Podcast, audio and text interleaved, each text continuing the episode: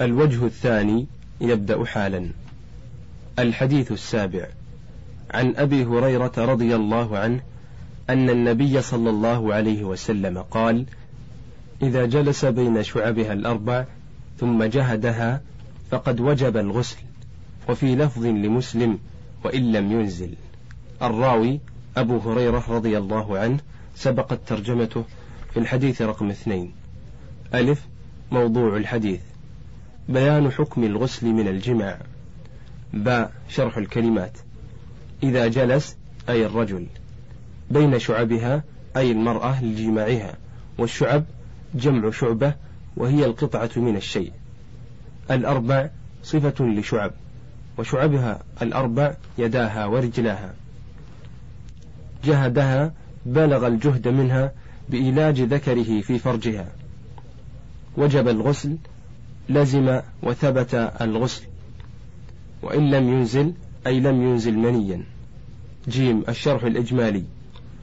يحدث أبو هريرة رضي الله عنه عن النبي صلى الله عليه وسلم أن الرجل إذا جلس بين يدي المرأة ورجليها ليجامعها ثم بلغ الجهد, الجهد منها بإلاج ذكره في فرجها فقد وجب الغسل عليهما جميعا سواء أنزل أم لم ينزل لأن هذا الجهد كاف في إيجاب الغسل ليستعيد الجسم نشاطا.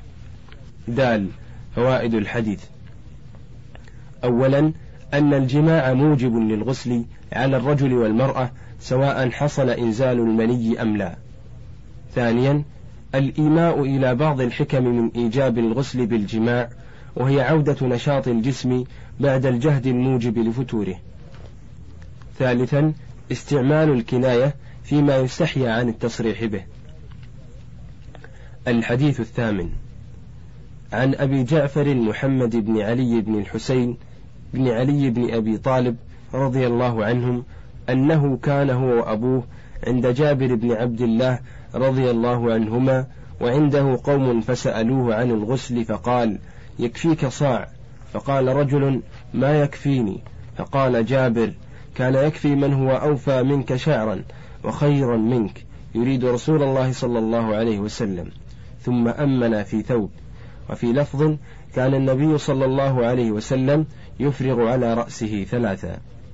الراوي أبو جعفر محمد بن علي ابن الحسين ابن علي ابن أبي طالب القرشي الهاشمي رحمه الله. من التابعين ويعرف بالباقر لأنه تعمق في العلم وتوسع فيه. وكان ثقة فاضلا توفي في المدينة سنة بضع عشرة ومئة ودفن بالبقيع. ألف موضوع الحديث. بيان قدر الماء الذي يكفي في الغسل. باء شرح الكلمات. هو وأبوه. أبوه علي بن الحسين من التابعين. كان ثقة فقيها فاضلا عابدا. يلقب زين العابدين. توفي سنة ثلاث وتسعين في المدينة ودفن في البقيع. جابر بن عبد الله. هو ابن عبد الله ابن حرام الأنصاري السلمي رضي الله عنه. شهد العقبة وغزا مع النبي صلى الله عليه وسلم جميع غزواته سوى غزوة بدر وأحد حيث منعه أبوه ليكون عند أخواته. فلما استشهد أبوه في أحد تزوج امرأة ثيبة تكون عند أخواته فلم يتخلف عن غزوة بعدها. كان كثير الحديث عن رسول الله صلى الله عليه وسلم وكان له في مسجد النبي صلى الله عليه وسلم حلقة يلقى فيها الحديث والعلم. توفي في المدينة سنة أربع وسبعين. قوم رجال. فسألوه سألوا جابرا والسائل منهم أبو جعفر راوي هذا الحديث. عن الغسل أي عن ماء الغسل ما يكفي فيه. يكفيك بفتح الياء الأولى يغنيك عن غيره. صاع أي قدر صاع والصاع مكيال يسع أربعمائة وثمانين مثقالا أي كيلوين وأربعين جراما للبر الجيد. فقال رجل هو الحسن بن محمد بن علي بن أبي طالب ثقة من التابعين توفي سنة مئة تقريبا وأبوه محمد بن علي بن أبي طالب ويقال محمد بن ابن الحنفية نسبة إلى أمه خولة بنت جعفر من سبي بني حنيفة. وكان له أخوان يسميان محمدا. ثقة من التابعين توفي سنة ثمانين. أوفى منك أكثر منك. خيرا منك أفضل منك. ثم أمنا بتشديد الميم صلى بنا إماما يعني جابرا. في ثوب أي واحد يعني أنه ليس عليه سوى ثوب واحد. يفرغ على رأسه يصب عليه إذا اغتسل. الشرح الإجمالي. كان الناس يجلسون إلى جابر بن عبد الله صاحب رسول الله صلى الله عليه وسلم رضي الله عنه يتلقون عنه العلم. وفي هذا الحديث يقص محمد بن علي بن الحسين ابن علي بن أبي طالب رضي الله عنه أنه كان هو وأبوه علي بن الحسين عند جابر وعنده رجال آخرون. فسأله محمد بن علي عن الغسل كم يكفي فيه من الماء؟ فقال جابر يكفي يكفيك الصاع. وذلك لأن النبي صلى الله عليه وسلم كان يغتسل بالصاع وهو خير أسوة. فقال الحسن بن محمد بن علي بن أبي طالب لا يكفيني الصاع لأنه كان كثير الشعر. فرد عليه جابر رضي الله عنه ردا شديدا لأنه كان يكفي من هو أكثر منك شعرا وخيرا منك في التقوى وطلب الأجر بالإسباغ يعني رسول الله صلى الله عليه وسلم. فكان يقول إن كان الصاع لا يكفيك لكثرة شعرك فالنبي صلى الله عليه وسلم أكثر منك شعرا وإن كان لا يكفيك لطلب التحري والإسباغ فالنبي, فالنبي صلى الله عليه وسلم خير منك في ذلك ومع هذا فكان يكفيه الصاع مع إسباغه الغسل حيث كان يصب الماء على رأسه ثلاث مرات. ثم تقدم جابر فصلى بهم إماما في ثوب واحد. دال فوائد الحديث. أولا حرص السلف على اتباع السنة حتى في مقدار ماء الطهارة. ثانيا أن مقدار صاع من الماء يكفي في الغسل من الجنبة ثالثا مشروعية إفراغ الماء على الرأس ثلاث مرات في الغسل. رابعا استعمال الشدة في الرد على من عارض السنة إذا اقتضت المصلحة ذلك. خامسا جواز الصلاة في ثوب واحد إذا حصل به تمام الستر. ولو كان إماما. باب التيمم.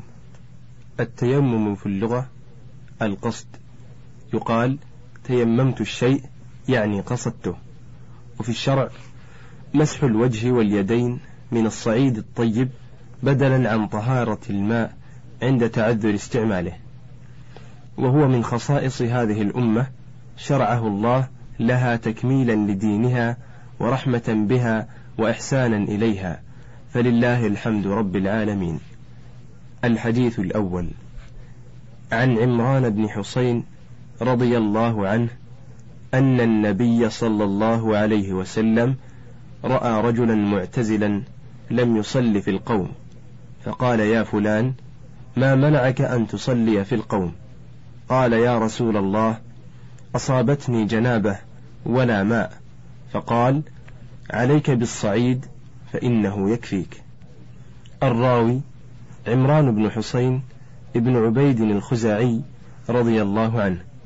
أسلم عام خيبر وكان صاحب راية خزاعة عام الفتح من فقهاء الصحابة وفضلائهم.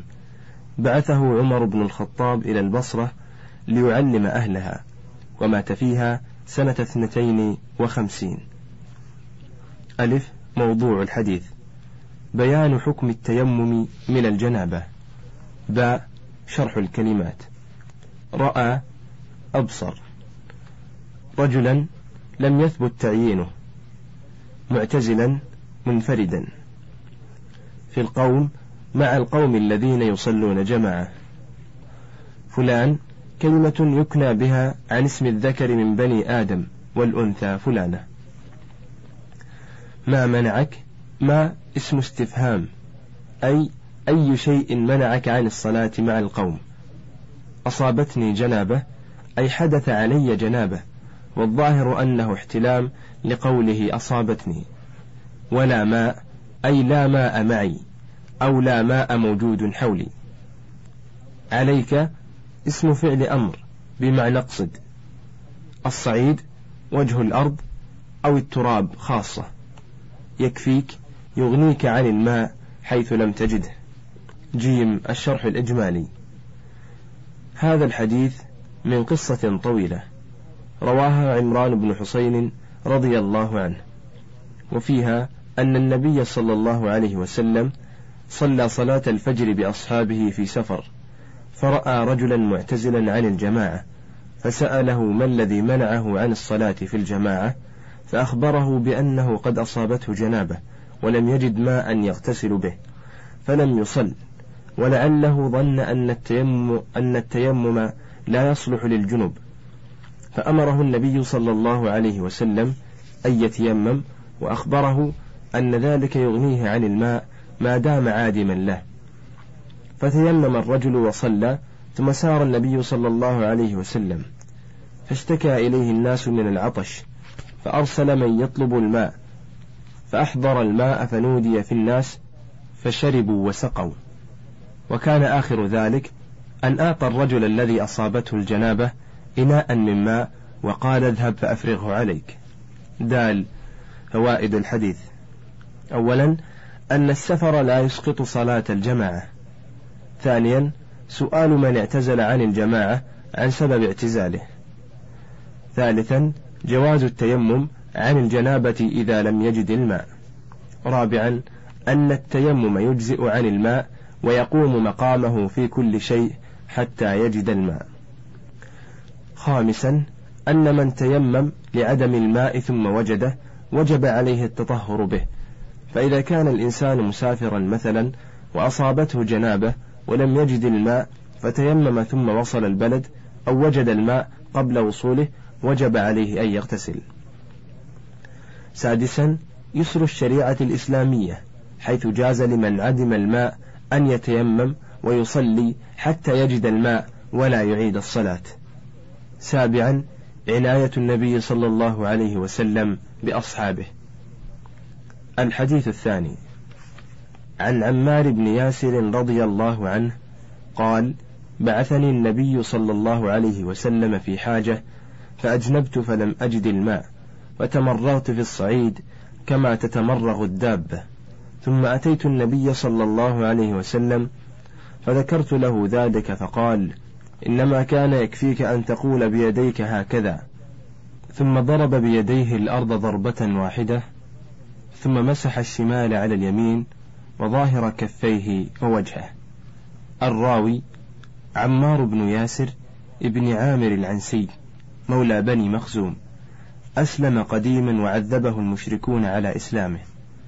وكان النبي صلى الله عليه وسلم يمر به هو وأبوه وأمه يعذبون بمكة فيقول صبرا يا آل ياسر فإن موعدكم الجنة. شهد عمار الغزوات كلها مع النبي صلى الله عليه وسلم وقتل في جيش علي رضي الله عنه في صفين سنة سبع وثلاثين. ألف موضوع الحديث. بيان كيفية التيمم من الجنابة. باء شرح الكلمات. بعثني أرسلني. في حاجة. في غرض. وكان مع إحدى السرايا. أجنبت. صار علي جنابة. فلم أجد الماء. لم أحصل عليه بعد طلبه. فتمرغت. تقلبت. في الصعيد. سبق معناه في الحديث رقم ستة وثلاثين. فذكرت له ذلك. أي ما جرى له من الجنابة والتمرغ. يكفيك يغنيك عن التمرغ في الصعيد أو عن الاغتسال بالماء. أن تقول بيديك أن تفعل بكفيك. هكذا ها للتنبيه والكاف للتشبيه أي مثل ما أقول بيدي. الشمال على اليمين اليد اليسرى على اليمنى من باطن كفه. ظاهر كفيه بنصب ظاهر معطوفا على مفعول مسح والتقدير ومسح ظاهر كفيه أي ظهرهما ووجهه بنصب وجه أي ومسح وجهه. جيم الشرح الإجمالي. يحدث عمار بن ياسر رضي الله عنه أن النبي صلى الله عليه وسلم أرسله في حاجة في سرية فصار عليه جنابة ولم يكن يعرف كيفية التيمم منها. فظن أن التيمم لها يستوعب جميع البدن كالاغتسال بالماء فتمرغ على الأرض ليشمل التراب جميع جسده. فلما قدم على النبي صلى الله عليه وسلم أخبره بما صنع ليعرف أكان صوابا ما فعله أم خطأ. فبين له النبي صلى الله عليه وسلم الصواب وأنه كان يكفيه أن يضرب الأرض بيديه ضربة واحدة فيمسح باطن كفه اليمنى بشماله وظاهر كفيه ووجهه. دال فوائد الحديث. أولا بعث السرايا لنشر الإسلام وقتال أعدائه. ثانيا جواز التصريح بما يستحيا من ذكره للحاجة. ثالثا جواز التيمم من الجنابة إذا لم يجد الماء. رابعا أن كيفية التيمم من الجنابة مثل كيفية التيمم عن الحدث الأصغر. فيضرب الأرض بكفيه ضربة واحدة ويمسح بيده اليسرى على باطن كفه اليمنى وظاهر كفيه ووجهه. خمسة أن المجتهد إذا أخطأ في محل الاجتهاد لم تجب عليه الإعادة. ها تنبيه. في هذا الحديث تقديم مسح اليدين على مسح الوجه وفي قوله تعالى فامسحوا بوجوهكم وأيديكم منه تقديم مسح الوجه على مسح اليدين. فيقدم مسح الوجه على مسح اليدين لأنه ظاهر القرآن والموافق للترتيب في الوضوء حيث يقدم غسل الوجه على غسل اليدين إلى المرافق. ولأن أكثر الروايات في حديث عمار تقديم الوجه وهذا لا يعارض الرواية بتقديم اليدين لأن الواو لا يلزم أن تكون للترتيب في كل المواضع. الحديث الثالث. عن جابر بن عبد الله رضي الله عنهما أن النبي صلى الله عليه وسلم قال أعطيت خمسا لم يعطهن أحد من الأنبياء قبلي. نصرت بالرعب مسيرة شهر. وجعلت لي الأرض مسجدا وطهورا فأيما رجل من أمتي أدركته الصلاة فليصل. وأحلت لي الغنائم ولم تحل لأحد من قبلي وأعطيت الشفاعة. وكان النبي يبعث إلى قومه خاصة وبعثت إلى الناس عامة. الراوي جابر بن عبد الله رضي الله عنه. سبقت ترجمته في الحديث رقم خمسة وثلاثين. ألف موضوع الحديث. بيان أشياء من خصائص النبي صلى الله عليه وسلم وأمته. باء شرح الكلمات. أعطيت أعطاني الله عز وجل. خمسا أي خمس خصال أو خصائص.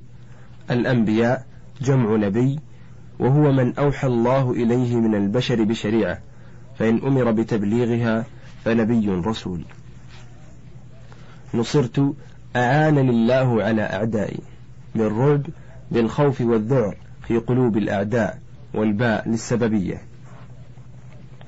مسيرة شهر مسافة شهر والمعنى أن عدوه مرعوب منه ولو كان بينه وبينه مسافة شهر.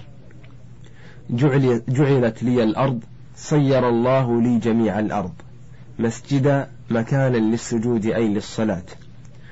طهورا شيئا أتطهر به.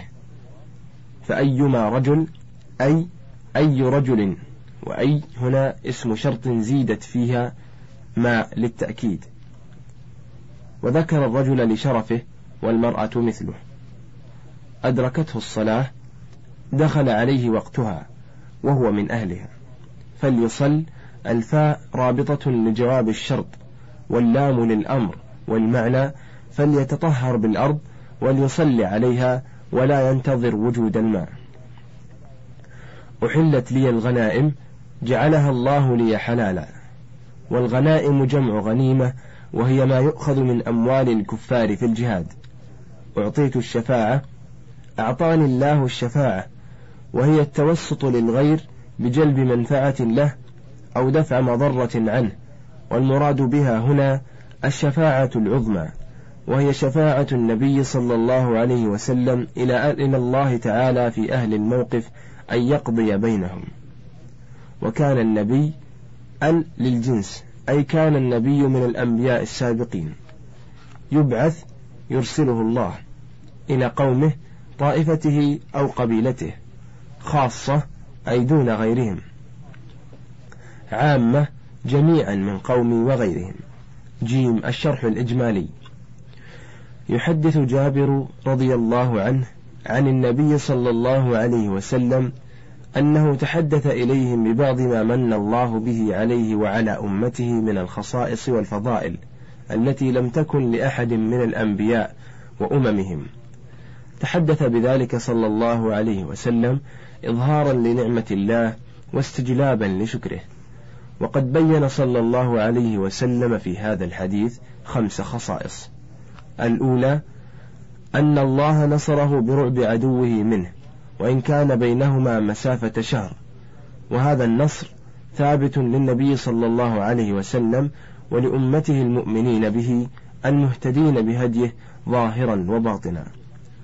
ورعب العدو في الحقيقة أعظم سلاح يفتك به إذ لا يقر له قرار ولا تثبت له قدم مع الرعب. الثانية أن الله جعل الأرض له ولأمته مسجدا وطهورا فأي مكان دخل وقت الصلاة وهم فيه وليس عندهم ماء فليتطهروا منه وليصلوا فيه. وكانت الأمم السابقة لا يتطهرون بالتراب ولا يصلون إلا في أمكنة معينة كالكنائس. الثالثة أن الله أحل له ولأمته الغنائم التي يغنمونها من أموال الكفار إذا قاتلوهم. وكانت في الأمم السابقة تجمع في مكان ثم تنزل عليها نار من السماء فتحرقها من غير أن ينتفع بها الغانمون. الرابعة أن الله أعطاه الشفاعة العظمى حين يفزع الناس يوم القيامة إلى الأنبياء آدم فنوح فإبراهيم فموسى فعيسى عليهم الصلاة والسلام يطلبون الشفاعة منهم إلى الله أن يريحهم من كرب الموقف فلا يشفع منهم أحد حتى يأتوا إلى النبي صلى الله عليه وسلم فيقوم فيشفع فيهم إلى الله تعالى بإذنه فيقضي بينهم وهذه الشفاعة خاصة بالنبي صلى الله عليه وسلم لا يشركه فيها نبي ولا غيره. الخامسة أن الأنبياء السابقين يبعثون إلى أقوامهم خاصة، أما النبي صلى الله عليه وسلم فقد بعث إلى الناس أجمعين إلى يوم القيامة، فلا نبي بعده ولا أحد بعد بعثته إلا ملزم باتباع شريعته أمام الله عز وجل. دال فوائد الحديث أولا مشروعية التحدث بنعم, بنعم الله تعالى لا, لا على سبيل الافتخار ولكن إظهارا لنعمة الله واستجلابا لشكره عليها ثانيا فضيلة النبي صلى الله عليه وسلم وأمته ثالثا أن من وسائل النصر على الأعداء إلقاء الرعب في قلوبهم رابعا جواز الصلاة على كل مكان من الأرض إلا ما استثناه الشرع كالمقبرة والمكان النجس والحمام وأعطان الإبل.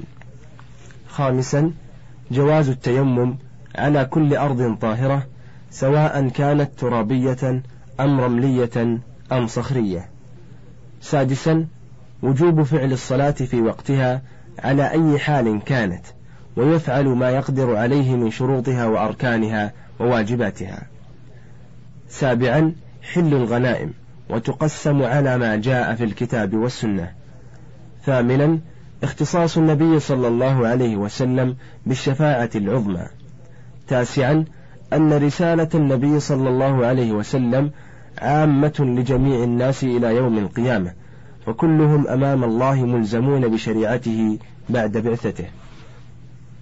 باب الحيض. الحيض في اللغة السيلان وفي الشرع سيلان دم طبيعي يعتاد الأنثى في أوقات معلومة عند بلوغها وقابليتها للحمل. الحديث الأول. عن عائشة رضي الله عنها أن فاطمة بنت أبي حبيش سألت النبي صلى الله عليه وسلم فقالت: إني أستحاض فلا أطهر، أفأدع الصلاة؟ قال لا، إن ذلك عرق ولكن دع الصلاة قدر الأيام التي كنت تحيضين فيها ثم اغتسلي وصلي وفي رواية وليست بالحيضة فإذا أقبلت الحيضة فاترك الصلاة فيها فإذا ذهب قدرها فاغسلي عنك الدم وصلي. الراوي أم المؤمنين عائشة رضي الله عنها. سبقت ترجمتها في الحديث رقم ثلاثة. ألف موضوع الحديث. بيان ما تصنع المستحاضة. باء شرح الكلمات. فاطمة بنت أبي حبيش جدها المطلب بن أسد ابن عبد العزى ابن قصي كانت من المهاجرات. واستحاض يصيبني حيض كثير فالسين والتاء للمبالغة والاستحاضة استمرار خروج دم المرأة كل الوقت أو أكثره. فلا أطهر فلا أنقى من الدم. أفأدع أفأترك والهمزة للاستفهام والفاء عاطفة على محذوف والتقدير أأجلس فأدع الصلاة؟ لا حرف جواب لنفي المسؤول عنه أي لا تدع الصلاة. ذلك بكسر الكاف والمشار إليه الدم والمخاطب فاطمة. عرق أي دم عرق وليس بالدم الطبيعي. الحيضة بفتح الحاء في الموضعين واحدة الحيضات. أقبلت الحيضة أي جاء وقتها. فاغسلي عنك الدم أزيليه بغسله بالماء. جيم الشرح الإجمالي. الحيض دم طبيعي يعتاد المرأة كل شهر ستة أيام أو سبعة غالبا. وربما يزيد على ذلك أو ينقص. وربما يستمر على المرأة كل الأيام أو أكثرها بحيث لا ينقطع عنها إلا يسيرا. وهذا ما يعرف بالاستحاضة. وقد أصابت نحو عشر نساء من نساء الصحابة رضي الله عنهم منهن فاطمة بنت أبي حبيش الأسدية. وفي هذا الحديث تخبر أم المؤمنين عائشة رضي الله عنها عن فاطمة أنها سألت النبي صلى الله عليه وسلم عما أصابها من الاستحاضة التي لا تطهر منها.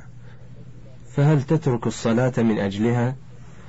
فبين النبي صلى الله عليه وسلم لها أن ذلك دم عرق وليس بالدم الطبيعي وأمرها أن تترك الصلاة أيام حيضتها فقط فإذا ذهب قدرها غسلت الدم عنها واغتسلت ثم صلت. دال فوائد الحديث. أولا حرص الصحابة رضي الله عنهم رجالا ونساء على العلم والفقه في الدين. ثانيا أن الاستحاضة استمرار خروج الدم من المرأة. ثالثا أن الحائض لا تصلي. رابعا أن دم الحيض هو الدم الطبيعي دون الدماء العارضة من بعض العروق. خامسا أن دم الحيض نجس يجب غسل قليله وكثيره. سادسا أن المستحاضة تجلس بقدر أيام عادتها ثم تغسل الدم عنها وتغتسل وتصلي. سابعا حسن تعليم النبي صلى الله عليه وسلم حيث يقرن الحكم ببيان حكمته ليزداد المؤمن طمأنينة ويعرف سمو الشريعة. الحديث الثاني عن عائشة رضي الله عنها أن أم حبيبة استحيضت سبع سنين فسألت النبي صلى الله عليه وسلم فأمرها أن تغتسل قالت فكانت تغتسل لكل صلاة الراوي أم المؤمنين عائشة رضي الله عنها سبقت ترجمتها في الحديث رقم ثلاثة. ألف موضوع الحديث. بيان ما تصنع المستحاضة. باء شرح الكلمات. أم حبيبة ويقال أم حبيب. اشتهرت بكنيتها. وقيل إن اسمها حبيبة وهي بنت جحش أخت زينب أم المؤمنين رضي الله عنها. كانت تحت عبد الرحمن بن عوف. استحيضت أصابتها الاستحاضة فسألت الفاء عاطفة وهو عطف على استحيضت والمعنى أنها استحيضت فسألت النبي صلى الله عليه وسلم. وأما قولها سبع سنين فهو بيان لمدة الاستحاضة ولا يتعين به أن السؤال كان بعد مضي هذه المدة إذ يبعد أن تبقى كل هذه المدة ولم تسأل النبي صلى الله عليه وسلم ماذا تصنع. أن تغتسل أي عند انتهاء مدة حيضتها كما تفيده رواية لمسلم. لكل صلاة أي صلاة مفروضة. جيم الشرح الإجمالي. في هذا الحديث تخبر أم المؤمنين عائشة رضي الله عنها أن أم حبيبة بنت جحش الأسدية أخت أم المؤمنين زينب رضي الله عنهما استحيضت سبع سنين وأنها سألت النبي صلى الله عليه وسلم عما تصنع. فأمرها أن تغتسل عند انتهاء مدة حيضها فكانت تغتسل عند كل صلاة احتياطا وتورعا رضي الله عنها. دال فوائد الحديث. أولا حرص الصحابة على العلم والفقه في الدين. ثانيا وجوب اغتسال المستحاضة عند انتهاء مدة حيضها ثم تصلي. ثالثا أن الاستحاضة قد تنقطع وتبرأ منها المرأة. انتهى الشريط الثالث وله بقية على الشريط الرابع.